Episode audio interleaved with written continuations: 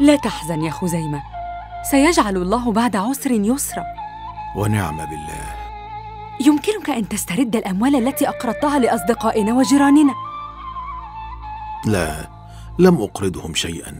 كانت صدقات احتسبتها عند الله.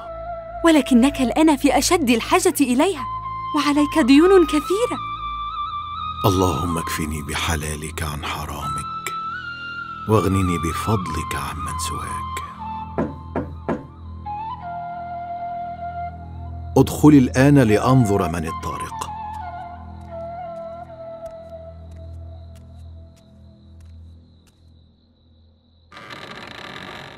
السلام عليكم. وعليكم السلام ورحمة الله وبركاته. من أنت؟ فاعل خير. جئت أساعدك في محنتك كما ساعدت آخرين في محنهم. تفضل.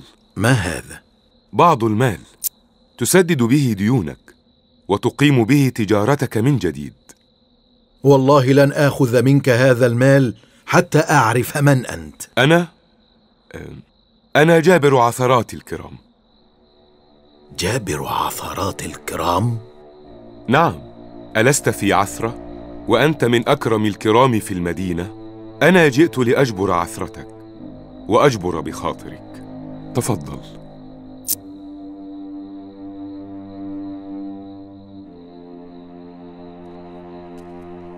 من كان الطارق يا خزيمة؟ رجل أعطاني هذا الكيس من النقود وقال إنه جابر عثرات الكرام.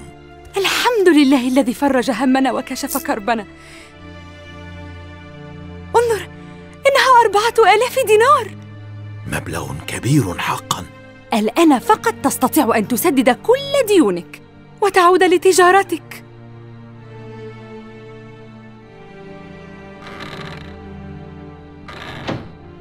الحمد لله الذي أعانني على فعل الخير. أين كنت يا عكرمة؟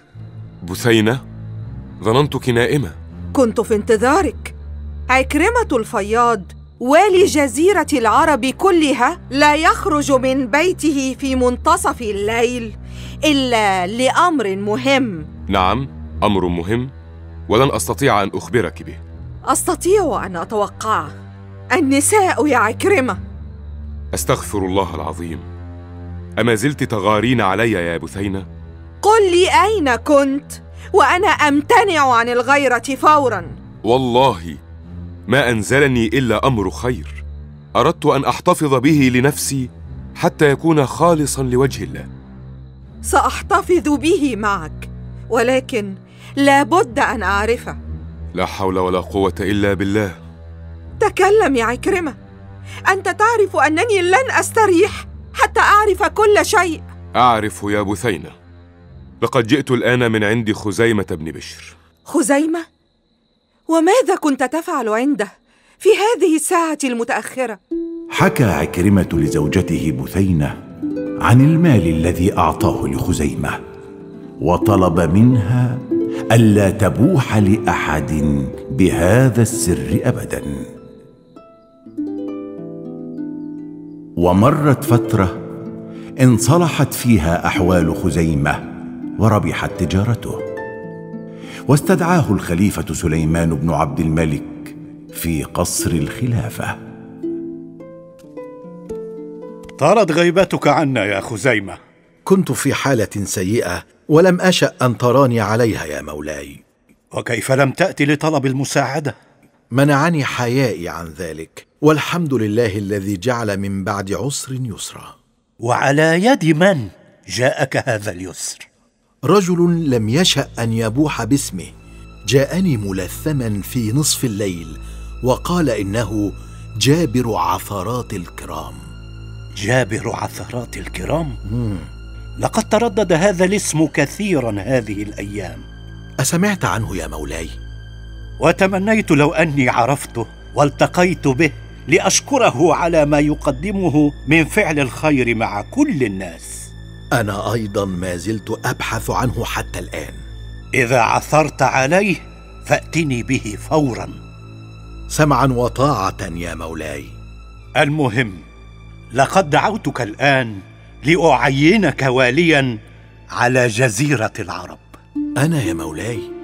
أنت لها يا خزيمة بما عرفناه عنك من طيب الأخلاق وحسن العمل والإخلاص. والوالي الحالي عكرمة الفياض. تذهب إليه الآن وتستلم منه الولاية وبيت المال.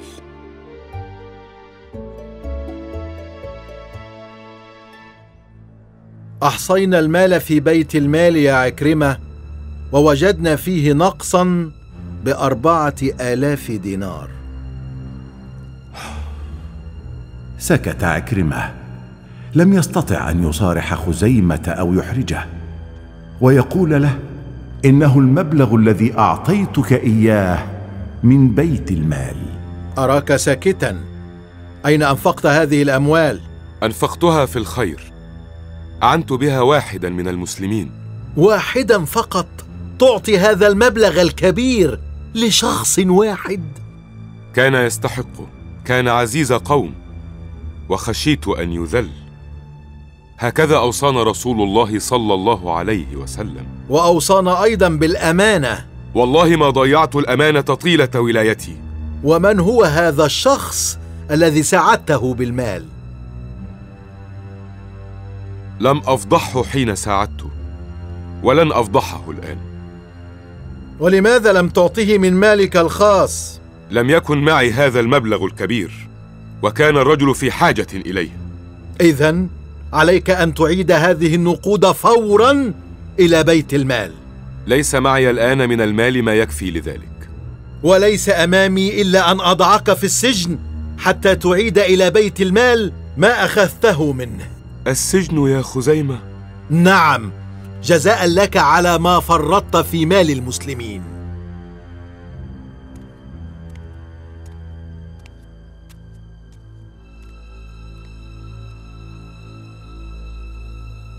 سجنت عكرمة الفياض؟ سيقول الناس الوالي الجديد سجن الوالي القديم. لا يهم ما يقوله الناس. إنني أنفذ ما أمر الله به. قال لك عكرمة إنه ساعد بهذا المال واحدا من المسلمين. ولم يقل من هو ولهذا لم اصدقه ادخلي أنت الآن. كما ترى. السلام عليك يا والي الجزيرة. وعليكم السلام ورحمة الله وبركاته. من أنت؟ أنا أنا زوجة عكرمة الفياض. وجئت الآن لتعاتبيني في سجن زوجك. لا جئت أسأل سؤالا واحدا. أهكذا تفعل بجابر عثرات الكرام؟ جابر عثرات الكرام؟ نعم. الرجل الذي جاءك في منتصف الليل وأعطاك الأربعة آلاف دينار. وكيف عرفت بهذه القصة؟ لأنه لم يحدث بها أحدا غيري. من هو؟ جابر عثرات الكرام. هو زوجي عكرمة. عكرمة الفياض. هو جابر عثرات الكرام؟ لا إله إلا أنت سبحانك إني كنت من الظالمين. اللهم كما دعاك بها نبيك يونس فنجيته من بطن الحوت. اللهم نجني بها من سجني هذا.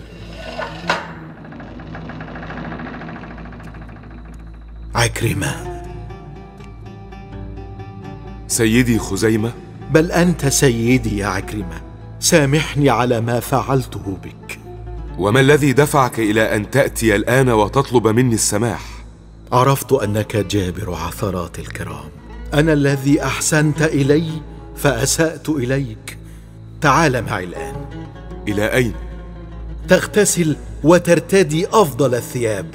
ثم نرحل غدا إلى الخليفة سليمان. لقد طلب مني أن آتيه بك فور عثوري عليك. يا عكرمة ما ظننت ابدا أنك أنت جابر عثرات الكرام. والله يا مولاي ما كنت تاركها لغيري. كنت والي القوم والمسؤول عن حل مشكلاتهم وجبر عثراتهم. يبدو أنني أخطأت عندما أبعدتك عن الولاية. عفوا ما أخطأت يا مولاي. لقد وليت من هو أفضل مني. بل أنت الأفضل يا عكرمة وأرى يا مولاي أن تعيده إلى ولاية جزيرة العرب. لن تجد من هو أخلص ولا أكفأ منه.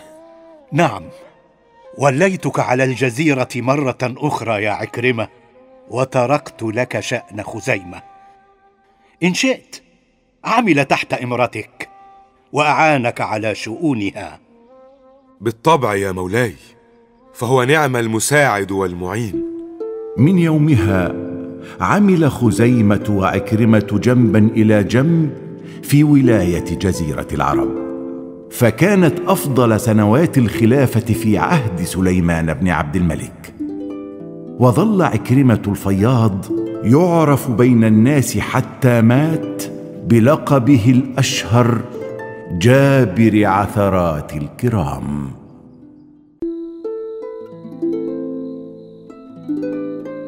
الإمام أحمد بن حنبل رابع أئمة الفقه عند المسلمين.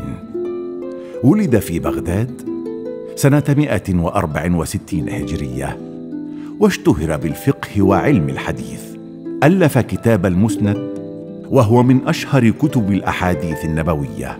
قال عنه الإمام الشافعي خرجت من بغداد وما تركت فيها أتقى ولا أفقه من أحمد بن حنبل. أبي أما زلت مستيقظا حتى الآن؟ أرهقني كثيرا يا بني. من هو؟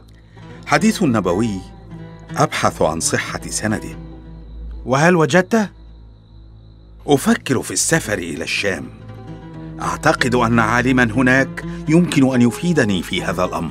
تسافر من بغداد إلى الشام من أجل حديث نبوي واحد؟ العلم يا صالح يستحق منا أن نبذل فيه كل وقتنا ومالنا وجهدنا.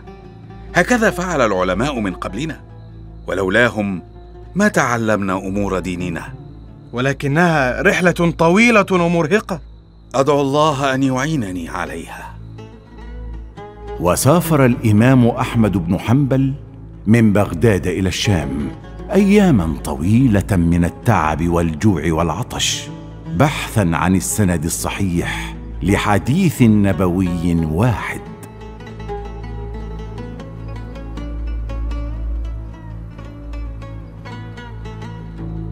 أخيرا وصل ابن حنبل إلى الشام ليلا ولا أحد يعرفه فيها.